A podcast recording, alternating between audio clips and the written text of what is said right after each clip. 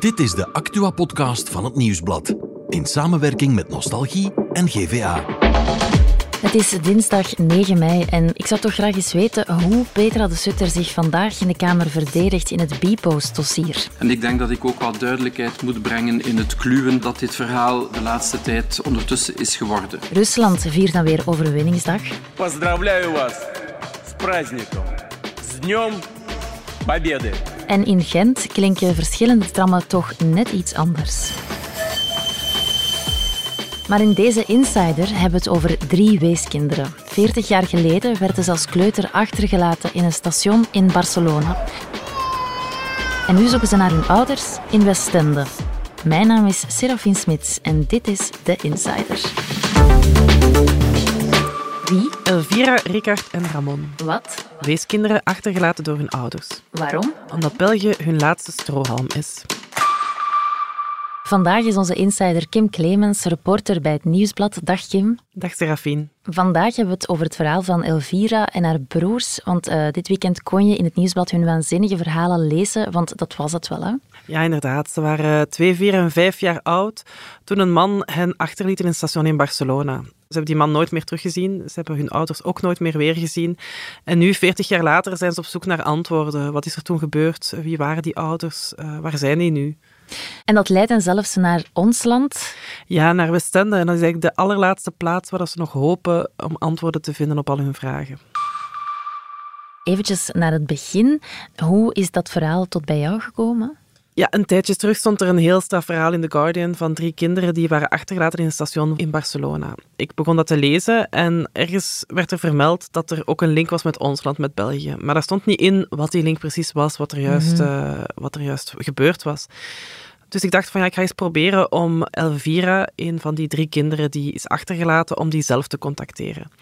En dus heb ik contact opgenomen met haar eerst via Facebook, via vrijwilligers die haar allemaal helpen met haar zoektocht. En heb ik haar zo kunnen spreken dat ze wat meer uitleg kon geven over wat juist die Belgische link is. Die kinderen zijn achtergelaten in een random station in Barcelona. Ja. Maar ja, wat is daar juist gebeurd? Wel, daarvoor moeten wij terug naar april 1984. Het is echt een verhaal bijna, bijna vanuit de films. Hè. Dus die kinderen zijn afgezet met een, een witte Mercedes, dat weten ze nog goed. Uh, een man, een vriend van hun vader, heeft naar de uitstappen, heeft gezegd van ja, ik ga nog snel even snoepjes kopen. En hij is nooit meer teruggekomen. De politie heeft hem daar gevonden toen dat, uh, Elvira, de jongste van de drie, uh, begon, uh, mm-hmm. begon te huilen. Ze dachten van ja, er gaat wel iemand hen komen zoeken de komende ja. dagen, maar dat gebeurde niet. Er is een, een Europees opsporingsbericht gestuurd, maar er is nooit reactie op gekomen. En dus hij is geadopteerd geweest door mensen in Barcelona en daar ook opgegroeid. Mm-hmm. Hebben zich daar nooit heel veel vragen over gesteld, tot ze dan uiteindelijk als volwassenen, ja, dat er zo wel wat dingen begonnen te wringen. Zoals? Bij, ja, bij Elvira was dat uh, vooral ook toen ze zelf zwanger werd. Ja. Dat ze dacht van ja, dat is toch wel raar dat ik niks weet. En toen dat ze zelf ook kinderen kreeg van diezelfde kleuterleeftijd. Hè. Dus, uh, Want hoe oud was Elvira zelf? Wel, zelf was zij twee, dus Ah, zij ja. heeft uh, geen, Geen- geen herinneringen niet meer. Eigenlijk is alleen maar de oudste broer, dus Ricard was vier en Ramon was vijf. En Ramon die heeft nog een aantal herinneringen. Ehm, maar wat dat bijvoorbeeld bizar is, is dat ze geen een van alle drie wisten ze hun achternaam. Uh, Wisten ook niet waar ze woonden. Ze wisten alleen maar te zeggen dat ze in Parijs hadden gewoond. En toen ze zelf eigenlijk een, een, een, haar oudste zoon uh, vier, vijf jaar was, dacht ze van ja, dat is toch wel heel raar. Dat kinderen op van die leeftijd ja. ja, hun, hun naam niet kennen. Ja.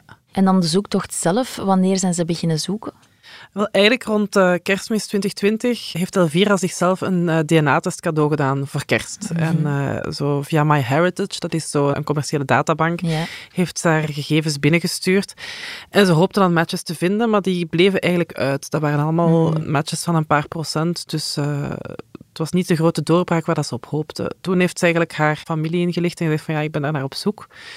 En heeft ze ook een oproep gedaan op lokale radio. En het is pas dan dat eigenlijk de bal aan het rollen is gegaan. Want er zijn eigenlijk mensen begonnen met haar te helpen zoeken. En al die verre matches van die 1 of 2 procent beginnen te contacteren. Oké. En heeft ze haar ouders dan gevonden?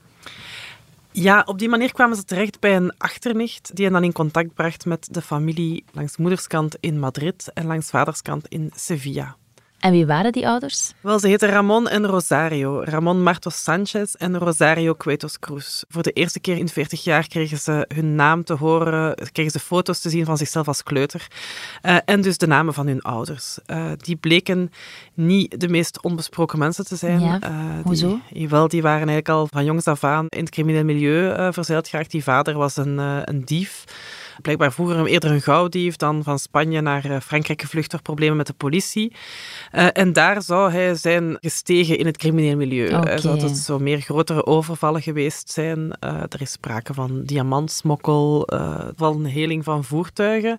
Dat heeft Elvira mij ook zelf verteld.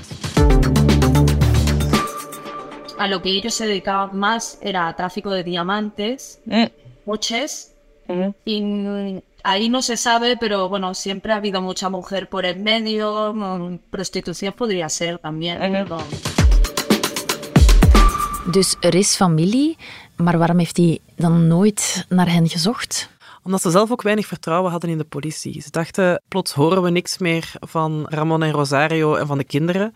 Dus misschien zijn ze zelf op de vlucht voor de politie, willen ze zich schuilhouden. En ze dachten van ja, als wij hun verdwijning signaleren, gaan we het misschien zelf in de problemen brengen. Dus zij hebben zelf ook nooit meer iets gehoord van... Nee. eh, Nee, dus ze hebben echt ja, niks meer gehoord. Van de ene dag op de andere is alle contact verbroken. Dan eventjes doorspoelen naar vandaag. 40 jaar later weten ze wie hun ouders zijn, maar ze weten nog altijd niet veel meer wat er met hen gebeurd is. Hoe komen zij in België terecht?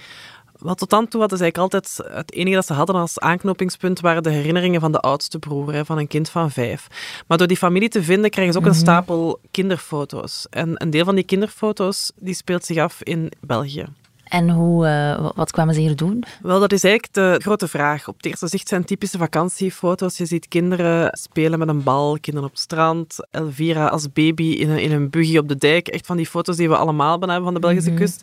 Het is ook zo dat ze het zijn te weten gekomen. Hè. Een Belgische kerel zag die beelden en zei van ja, maar dat is precies de, de Noordzeekust.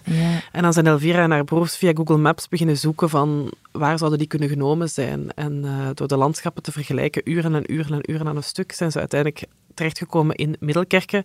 Dachten ze zelf. Het blijkt dan deelgemeente Westende te zijn, Ja. eh, bij Ietke, nader onderzoek. En wat ze daar kwamen doen, ja, dat is een, een groot mysterie. Het lijkt erop dat ze veel vaker kwamen dan puur eh, af en toe eens een weekend op vakantie.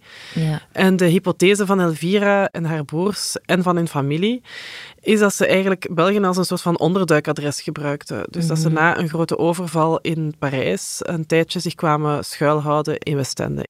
Door ja, al die foto's te bekijken, zijn ze eigenlijk uitgekomen op twee adressen. ja. En welke waren dat?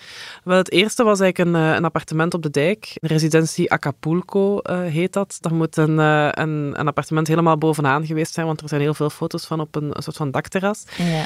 En de andere, dat is een, een bungalowpark en het heet Ter Streep in Westende. Oké, en, en wat hopen ze verder nog te vinden in Westende? Wel, zij, zij vragen zich af of dat er buren zijn die, die zich eh, dat gezin nog herinneren. Dat is niet zo'n wilde gedachte, hè, want je zou kunnen zeggen, van, ja, dat is 40 jaar geleden, wie Ja. weet dat nu nog? Maar het is, eh, ze waren er vooral buitenseizoen, zo lijkt het. En nu, ja, dan zijn van die kuststadjes toch wel veel rustiger.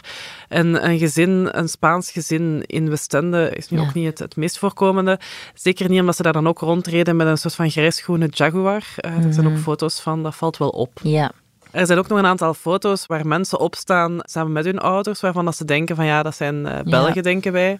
Eh, er is een man met een snor eh, op een foto met de vader. En eh, als die man, als ze die zouden kunnen spreken, dat hij iets zou kunnen vertellen, dat zou hen echt wel, eh, echt wel kunnen, kunnen verder helpen. Die foto's staan allemaal in het artikel op de site van het Nieuwsblad. Wie denkt iets te kunnen betekenen voor de familie, kan verdere informatie sturen naar kim.clemens.nieuwsblad.be. Heel graag. En dan verder, ja, Elvira, je hebt daar gesproken. Waar hoopt zij nog op? Ja, dat weet ze zelf ook niet zo goed. Ik heb haar ook de vraag gesteld van, denk je dat jouw ouders nog, nog leven? Ja. En ik zeg van, ja, natuurlijk zou het wel heel fijn zijn om hen ooit zelf te spreken, maar... Want hoe oud zouden die ouders dan zijn? Ergens, ergens rond de halverwege de 70. Ah, eh, dus die, die kans bestaat. Ja, maar ze zegt zelf van ja, de kans bestaat, maar ze acht Mhm. die zeer klein. Omdat ze denkt van, eh, dat die hen nooit zo zouden hebben achtergelaten. Of wat dat de familie ook denkt, die zegt van ja, die band was echt wel heel goed. Uh, er was heel veel liefde van die ouders naar de kinderen toe. Dus die zouden sowieso al, al wel iets hebben laten weten na al die jaren. Dus ze vrezen dat daar ergens, uh, ja, dat die al, al gedood zouden zijn voordien misschien. Of uh, dat die kinderen juist geplaatst zijn om hen te beschermen, Mhm. um, omdat er een dreiging was. Dat is uh, een van de, van de pistes. Maar ze wil het wel graag weten wat dat er gebeurd is, hè, om echt uh, Ja. al die antwoorden te kunnen krijgen.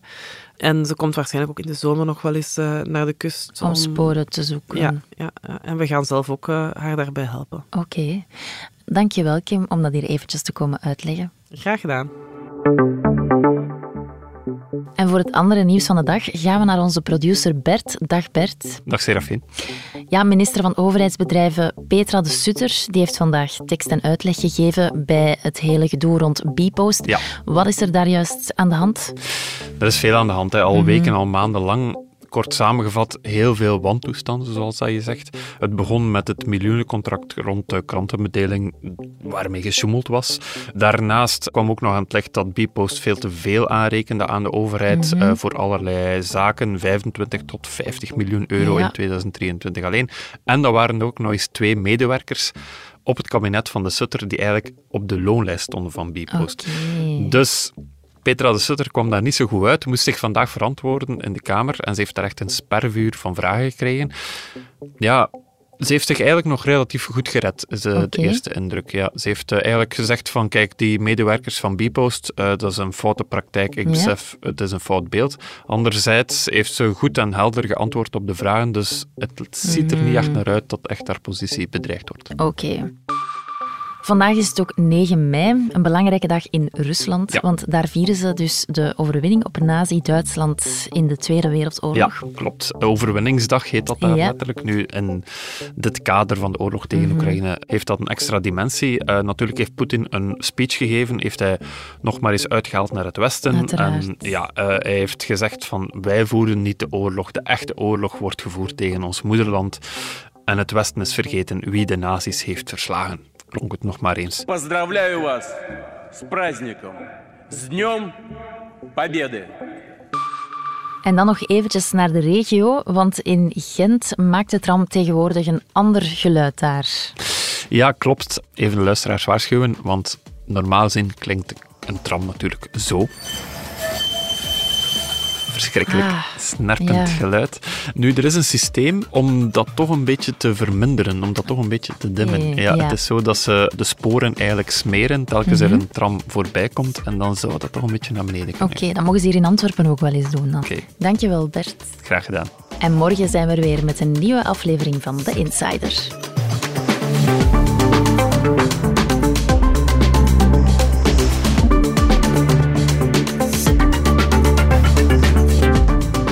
Dit was The Insider, een podcast van het Nieuwsblad in samenwerking met Nostalgie en GVA.